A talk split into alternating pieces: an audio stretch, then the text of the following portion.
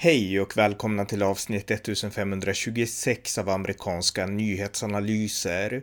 En konservativ podcast med mig, Ronny Berggren. Här följer en uppdatering om det senaste i USA tillsammans med min kollega Björn Nordström. Varmt välkomna. Björn Nordström, välkommen. Ja, tack så mycket. Vi ska uppdatera lite om det senaste i USA, så att kör igång. Ja, vi kan ju börja med ett rykande färskt exempel på hur vänster, överklass vit, vita överklass vänsterliberala kvinnor i Vermont är extremt intoleranta. Det påminner ganska mycket om de här äh, i Sverige med, med, med, äh, med invandrare och så vidare. Och äh, man ska öppna sina hjärtan, öppna gränser, men samtidigt så går de efter och avskyr människor med andra åsikter, till exempel Sverigedemokrater. Va? Så i morse så jag är med i såna här Facebookgrupper här i Arizona, men jag är också med i Facebookgrupper i Vermont, för jag äger fortfarande ett hus i Vermont, så jag, jag är med i Facebookgrupper där. Och då var det någon som la ut en kommentar där de pratade om att det var väldigt långa bilköer till Starbucks. Starbucks är en sån här kaffe, vad heter det? Mm. Ja. Kaffekedja, världskänd. Precis, precis ja. Och de sa att även nu när bensinpriserna har gått upp så är det tydligen massa långa köer till, till den här Starbucks fortfarande. Så var det en bild som la ut på de här långa bilköerna på den här drive-thru. Och då skrev en kommentar där jag sa att att uh, demografin, de, majoriteten av, av de, som, de som köper kaffe på på Starbucks är vänsterliberal, vita vänsterliberala överklassdemokrater. Eh, med andra ord, det är de som är man, man som är, ett, så att det, är, liksom, det är fakta bara. Sen har jag ut länkar då till studier som visar just det där. Va? Herregud vad vita överklass vänsterliberala kvinnor börjar eh, gå efter mig och attackera mig. Något så fruktansvärt. Och jag vet att de är överklass, för jag vet, man kan se vart de bor, man ser vilken stad de bor i. Va? Och där är det som att, ja det är överklass, det är överklass, det är överklass. Det där. Och de blev så arga för att jag pek, påpekade. De sa att man är dum i huvudet, jag fattar ingenting och jag har fel och det, det är massa svarta. Det, är massa, det, är som det bor inga svarta i Vermont. I princip. Det, det är massa fattiga som går till slakt. Det är inte alls det. Och sen så la, la man ut information. Så det är samma vad ska man säga, debatter man har haft i Sverige vad gäller invandringen till exempel. Då la jag ut studier som visar att det här är studier som visar att endast 17 procent av, av um, av kaffedrickarna på, på Starbucks är, är, är registrerade republikaner och 51 procent är registrerade demokrater. Typ sådär.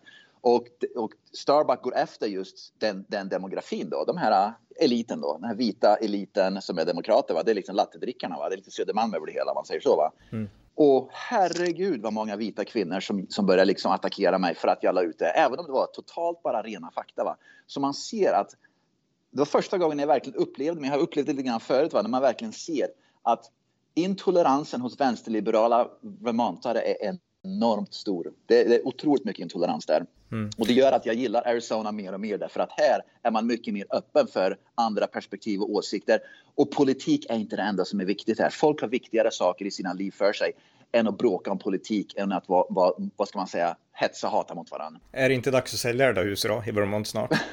ja, jag, det kanske är för huspriserna är så jäkla höga nu. Jag kan göra en rejält bra affär faktiskt, men uh, vi ska hyra ut det åt, några personer istället för vi kommer att tjäna pengar på husuthyrning. Men i alla fall, men jag blir mindre och mindre intresserad av att överhuvudtaget besöka Vermont för intoleransen där. Och jag känner även då folk här i Arizona som har flyttat från Vermont till Arizona. Många, många från New England flyttar till Arizona just för vädrets skull. Då. Mm. Så jag har träffat massa Vermontare här och jag har kontakt med folk här som är från Vermont och de säger samma sak att herregud, Vermont är hopplöst alltså. Det är sån jäkla intolerans mot människor som inte... Alla som är till höger om Bernie Sanders ska hatas ungefär. Och det, det är mina upplevelser med nu. Mm, några andra frågor alltså om New England. Hur är de andra delstaterna, de små, alltså om vi tar Maine och vi tar liksom New Hampshire och så vidare. Är de likadana eller finns det liksom? Nej.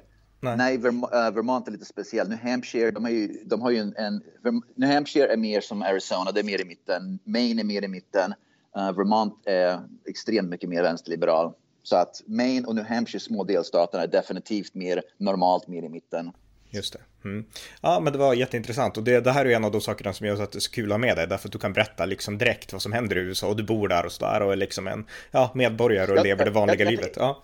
Precis, jag tänkte också nämna då att att tittar man på till exempel här jag bor i Phoenixområdet, att tittar man på där, där då eh, Starbucks har sina affärer, sina, sina butiker och sina kaffebutiker då, det är bara i medelklassområden. Va? Så jag bor, jag bor i ett medel överklassområde då, som är framförallt vita som bor där. Det gör man ju förklarliga skäl. Inte för att det är vitt, men för att det, det, det har med säkerhet att göra. Och jag bor i en gated community och så vidare. Va?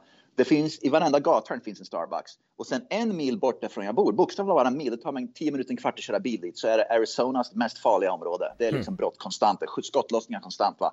Finns inte en Starbucks i närheten. Och det säger i princip allt vilken demografi som Starbucks är ute efter. Va? Så när man drar upp sådana här saker och sådana här forum i Vermont, Vermont vita vermontare bor i en bubbla, de begriper ju inte sånt här, men tar man upp sådana saker med, va, de blir rosenrasande, då är det rasismen hela. Det är, att, det är inte jag som är rasistisk, det är Starbucks som inte har några butiker i de här områdena. Det, jag bara påpekar fakta, det är bara så det är. Va? Åk dit och kolla om du vill. Ja, ja men Starbucks är fantastiskt, speciellt i USA. Det är mycket, mycket charmigare där än i Sverige. Så att, ja. Jag har aldrig varit på Starbucks i Sverige faktiskt. Nej, okej, okay, nej, okay. Ja, det är inte så märkvärdigt. Men, men i USA så är det, jag vet inte, det känns på något sätt avslappnat. Men sak samma. Ja, okay. eh, om vi går in på nyheter då, alltså vad har hänt då rent politiskt?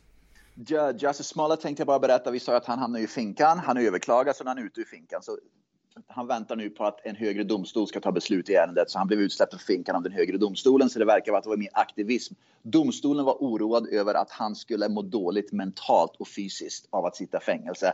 Mår inte alla dåligt mentalt och fysiskt av att sitta i fängelse? Eller är det bara Justice Smollett som gör det? Skitkonstig dom alltså. Men han blev utsläppt. Han är från Chicago. Det var en Chicago-domstol. Chicago-domstolar är vänsterliberala. Så min gissning är att det var kanske ett par aktivister som satt där och gillar Empire-serien som han var med i. Tycker att det är synd om den här, om den här uh, um, skådespelaren. Men alltså innebär det att han är fri eller vad innebär, alltså kommer det överklagas eller vad, vad, liksom, vad innebär det här? Det innebär att han är, han, han är fri. Han betalade 150 000 dollar i vad heter det, borgen eller vad den heter. Mm. Så han blir frisläppt. Så han är fri, men han är fortfarande, domen ska överklagas så de väntar på att, att en högre domstol ska gå igenom fallet. Det är allt. Men han är, for, han är frisläppt nu. Ja, men det kan hända att han, att han ändå måste sitta i fängelse. Absolut, det, mm. det, den sannolikheten finns fortfarande. Ja. ja så han är bara frisläppt, frisläppt temporärt i väntan på en ny dom. Just det. Mm. Okej, okay, något mer? Jajamän, New York Times. Vi har pratat om Hunter Biden förut. Det är sådana här saker nu som blir helt nedgrävda på grund av kriget. Va? Men verkligheten fortsätter ju med andra saker med än kriget. Mm. Hunter Biden, vi pratade om det att, att vänsterliberal media, framförallt New York Times, har ju helt förnekat att Hunter Biden hade en, en, en laptop med en massa e-mails fram och tillbaka. Du vet hela den där härvan som vi har pratat om förut.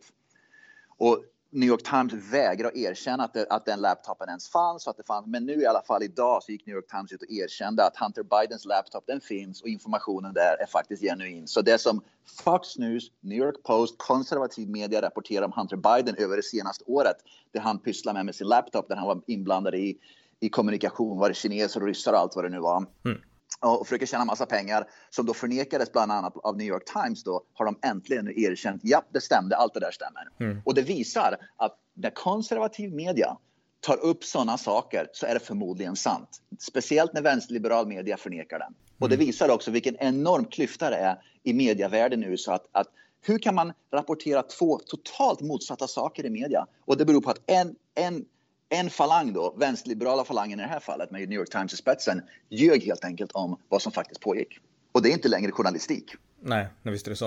Eh, en annan nyhet som jag kan nämna det är att eh, Kamala Harris har ju rapporterat återkommande att hon förlorar sina liksom, anställda, de vill inte jobba åt henne. Och nu slutar en till som heter Vincent Evans och nu vet jag inte om den här personen har slutat exakt för att han är missnöjd, men han ska börja jobba i, i kongressen istället helt enkelt. Men det visar alltså att Kamala Harris tappar mer och fler, fler och fler från sin stab. Hon har ju tappat en massa och min gissning, jag har ingen aning, jag känner inte Kamala Harris men det jag har läst om de flera som har som har sagt upp sig och stuckit vidare eh, och, och dragit vidare är att, att hon är väldigt svår att jobba med. Och min gissning är att hon är svår att jobba med. Att hon, är, hon är en bully. Jag tror att någon nämnde att hon var en bully, en, mm. en mobbare helt enkelt. Va? Och det är någonting som jag tror kommer att komma fram i framtiden när Kamala Harris inte just nu, men ger ett par, tre år till när folk börjar våga komma ut mer så tror jag att det kommer att komma fram att hon var en oerhörd mobbare mot sin egen stab. Äh, stab. Mm. Eh, ja, något mer? Jajamän, en journalist för MSNBC uh, eh, går ut, så MSNBC med andra ord, de tillåter sånt här, de går ut och säger att Polen är ju en rasistisk, uh, ett rasistiskt land därför att de, de stängde ju gränserna då från muslimska invandrare men de tar emot massa ukrainare och det bygger på att Polen är rasistiska. Va? Och det är samma typ det här köret. Va? Så fort man inte tar emot halva muslimska världen då är man rasist. Mm. Och det är ju så patetiskt. Det här argumentet har dragits till leda i Sverige, så bara en kort kommentar om det. Och det är ju helt enkelt att Polen har fattat det som vi inte har fattat, att Ryssland är ett hot och de såg till att de var oberoende av rysk gas. De såg till att ha ett starkt försvar, vilket Polen har. Och eh, då vill inte släppa in muslimska invandrare, dels för att de inte tillhör samma kultur, men också för att de insåg att en dag så kanske vi hamnar i krig med Ryssland och då måste vi hjälpa vårt närområde. Och eh, det är exakt det man gör nu. Så Polen är ju liksom de som agerat vettigast av alla i den här krisen. Precis, och Sverige har gjort det här monumentala misstaget, inte bara att de släppte in oerhört många människor från, från kultur och ideologier och religioner som är totalt inkompatibla med Sverige, men man också, genom att göra det har man ju totalt, vad ska man säga, stoppat all möjlighet för att hjälpa verkliga flyktingar, precis som du nämnde då, från, från när Ryssland blir det där hotet och hotet blir ett allvar. Mm. Då har man liksom ingen kapacitet längre att ta emot de flyktingarna som man ska kunna ta emot när det verkligen gäller. Då har man istället släppt in hundratusentals, miljontals ekonomiska migranter som sen bara blir, en, en, många blir bara en börda i Sverige. Va? Så när det väl blir krig, vilket det just nu är, då kan man inte längre hjälpa till. Mm, nej, precis. Eh, en sak till på temat, alltså på det här krigstemat, är att Arnold Schwarzenegger, Kaliforniens tidigare guvernör, filmstjärnan, republikan, han har gjort en fantastisk video som han har släppt på sociala medier där han riktar sig direkt till det ryska folket, de ryska soldaterna, han berättar om sin ungdom, han växte ändå upp bakom liksom, ja, järnridån, eller det gjorde han inte, han var uppväxt upp i Österrike, Österrike men, men liksom hans pappa hade tjänstgjort för liksom i, i liksom Nazitysklands armé liksom, eller liksom, ja, det, och krigat mot Sovjet, så han hade massa historia från den tiden och från andra världskriget världskriget och sådär. Och han berättade om hur en rysk tyngdlyftare hade påverkat honom jättemycket som ung, att han älskade Ryssland och det ryska folket. Och han sa att nu så förstår ni att jag, jag tycker om er och sådär, men ni måste föra sanningen. Och så säger han att er regering ljuger för er. Och det är ett jättestarkt budskap som han framför och han gör det väldigt trovärdigt. Och sen avslutningsvis så riktar han ett budskap direkt till Putin och säger att du Putin har startat det här och du kan också avsluta det. Så att eh, ett otroligt bra budskap som man försöker få utåt till sina rysktalande eh, vänner. Jaha, det har jag inte hört talas om faktiskt. Jag har missat totalt, så jag får gå in och kolla på det sidan. Ja, något mer då? Jajamän. Uh, en, en, en Joe Biden har nu blivit stämd. Han har tydligen han har blivit stämd för att han har han, under sin valkampanj, bara för att backtrack lite, han, under sin valkampanj så pratade han om att han skulle vara transparent och Trump var då döljde ju sanningen och så vidare och, och Biden lovade ju själv att vara transparent om allting så att amerikanska folket skulle få reda på exakt vad som pågår och allt det där. Mm. Nu visar det sig det att Biden bakom lyckta dörrar, helt intransparent har uh, gjort, skrivit massor, du vet det kommer ju såna här illegala immigranter då, så Biden tydligen med en före detta kollega under sin transition, det här, de har ju sånt transition government innan mm. han då tillsätts formellt va. Mm. Uh, gav han sin kollega på, på sitt transition government um, ett stort kontrakt för att ett, ett, federalt kontrakt med massa pengar då för att betala pengar för att illegala immigranter ska få, ska få bostäder. Som andra ord, vad kallas det för? Nepotismen. Han gav ja, typ. ett stort kontrakt med massa pengar. Typ sådär. Och det var någonting som tydligen han försökte dölja, men tydligen så finns det en, en, en välgörenhetsorganisation här i USA som tydligen fick, fick, som fick fram den informationen på olika sätt. Folk gräver ju, va? det finns ju organisationer som gräver, så att de grävde fram det och de stämde honom nu för att ha helt enkelt gett bort ett jättestort federalt kontrakt med massa pengar till en före detta kollega och vän om, för, att, för att illegala immigranter ska få bostäder. Och just det här med liksom korrupta kontrakt och sånt. Jag menar, vi var inne på Hunter Biden nyss, hans son. Jag menar, det verkar ändå känneteckna honom. Vi, vi har inga bevis och så, men det pratas hela tiden om just korrupta avtal när det kommer till Joe Biden. Ja, precis. Och det finns, det, när det går tillräckligt många rykten om någonting så börjar man ju till sist fundera på att det, det, det är nog förmodligen ganska mycket, det ligger nog en hel del i sådana här saker. Va? Det är nog inte bara rykten när det kommer fram det ena efter det andra, den ena efter den andra. Va? Jag tror att Joe Biden i grunden, jag tror han som, jag tror att han inte vill, men han hamnar i, i, korrupta saker och jag tror att för att folk runt om honom, han är så naiv tror jag, att han liksom på något sätt tror det. Det är liksom som, som Sverige ungefär, vi har varit naiva. Han begriper inte att folk drar nytta av hans naivitet, ungefär som att han begriper inte att, att uh, till exempel Iran och Putin och, president Xi i Kina kommer att dra nytta av att Biden är ganska naiv och helt enkelt svag. Han, mm. Jag tror inte han begriper sånt. Nej, nej visst. Ja, något annat? Jajamän. Vi har pratat om det här att Black Lives Matter har ju då eh, bland annat Black Lives Matter-organisationer i den här lokala organisationen i, eh, i Los Angeles, den som grundade var i Los Angeles som köpte massa stora hus i Los Angeles och Toronto för pengarna som Black Lives Matter drog in och Black Lives Matter har ju inte varit tillräckligt transparenta så de får inte längre göra fundraising i vad är det, Washington och, och Kalifornien och så vidare. Va? Nu visar det alltså att ledarna för Black Lives Matter, ledaren och hennes make då, så två stycken då. Uh, eh, kommer åtalas av de federala myndigheterna för bedrägeri. Så att återigen så kommer det Black Lives Matter upp i sammanhang med bedrägeri, mm pengar, vad heter det, Peng, man, man försummar, försvinner, vad, vad heter det? Pengar. Förskingrar. Förskingrar pengar, precis sådana saker. Va? Det ena efter det andra. Jag tror att många liberaler, tror jag inte fortfarande begriper, men att, att hoppa på sådana här rörelser som klimatrörelsen med Greta eller Black Lives Matter helt okritiskt visar sig ju ena gången efter den andra gå helt snett. Va? Man liksom tror på att allt är gjort bara för att det är människor som vill det rätta. Men många av de här människorna som ligger bakom de här rörelserna bryr sig inte ett skvatt om klimatet, de bryr sig inte ett skvatt om Black Lives och så vidare. Va? Det de bryr sig om det är att de kan tjäna massa pengar på att utnyttja de här rörelserna till egen vinning. Och det är det som börjar framkomma allt mer nu. Mm, verkligen. Ja, något annat? Uh, ja, vi pratade om det här uh, uh, Mark Kelly då, som är senator här i Arizona. Han i alla fall har en ny reklamfilm här i, i, i Arizona nu, så de kör ju mycket reklamfilmer nu för politiska agender här nu, både demokrater och republikaner kors och tvärs. Så Mark Kelly, en demokratisk senator som ska upp till omval nu i höst, han uh, har i alla fall en reklamfilm nu. Han vill bygga ut vägsystemet i Arizona. Även om vägsystemet är väldigt bra. Phoenixområdet i Arizona växer så det är så mycket folk som flyttar hit så det växer ju så fort. Men han vill i alla fall bygga ut vägsystemet mycket mer. Så hans politiska poäng går i motsats till Pete Buttigieg. Pete Buttigieg som är ju då transportminister, vad det nu heter, i, uh, under Biden. Och han pratar mycket om att vi ska åka mer tåg, vi ska åka bussar och så vidare. Vad Mark Kelly, som vi pratade om, han är mycket mer, han begriper vad som pågår. Och vi pratade om det i förra podden, vad det nu var, mm. när vi sa att i, på, i västra USA, vi kan inte prata om tåg och bussar och sånt. Vi måste prata bilar, för det är liksom den kulturen som gäller och det finns inga tågnät helt enkelt. Det finns inte. Men i alla fall, så Mark Kelly i alla fall går ut nu och är helt öppen med att vi måste bygga ut vägnätet och vägarna ska funka för att Arizona-borna ska kunna, ska kunna hantera verkligheten och vardagen. Va? Mm. Och det visar ju att det finns en, en stor, vad heter det, disconnect mellan federala myndigheterna i Washington och politikerna i västra delstaterna, framförallt här då i Arizona som fortfarande är ganska konservativ republikansk men då har en demokratisk eh, senator i Mark Kelly. Så att eh, det är i alla fall bra att, att senatorerna här begriper att det som det snackas om i Washington är bara rent nonsens. Ja. Eh, en sak jag kan nämna är att MSNBC de har en programvärd som heter Stephanie Ruhel och eh, jag är inte så bekant med henne men hur som helst hon är eh, Bill Barr som arbetar åt Donald Trump då som attorney general. Han har släppt en ny bok och hon skriver så här på Twitter då den här liberalen från MSNBC Stephanie Ruhel att de som ja, har köpt hans bok de kommer försvinna från min Twitterlista så hon vill alltså cancel de som har köpt Bill Barrs bok. Ja, och det visar intoleransen som vänsterliberaler återigen cancel culture. Ja, det, det går raka motsatsen till det USA egentligen står för och det konstitutionen står för. Verkligen. Något annat?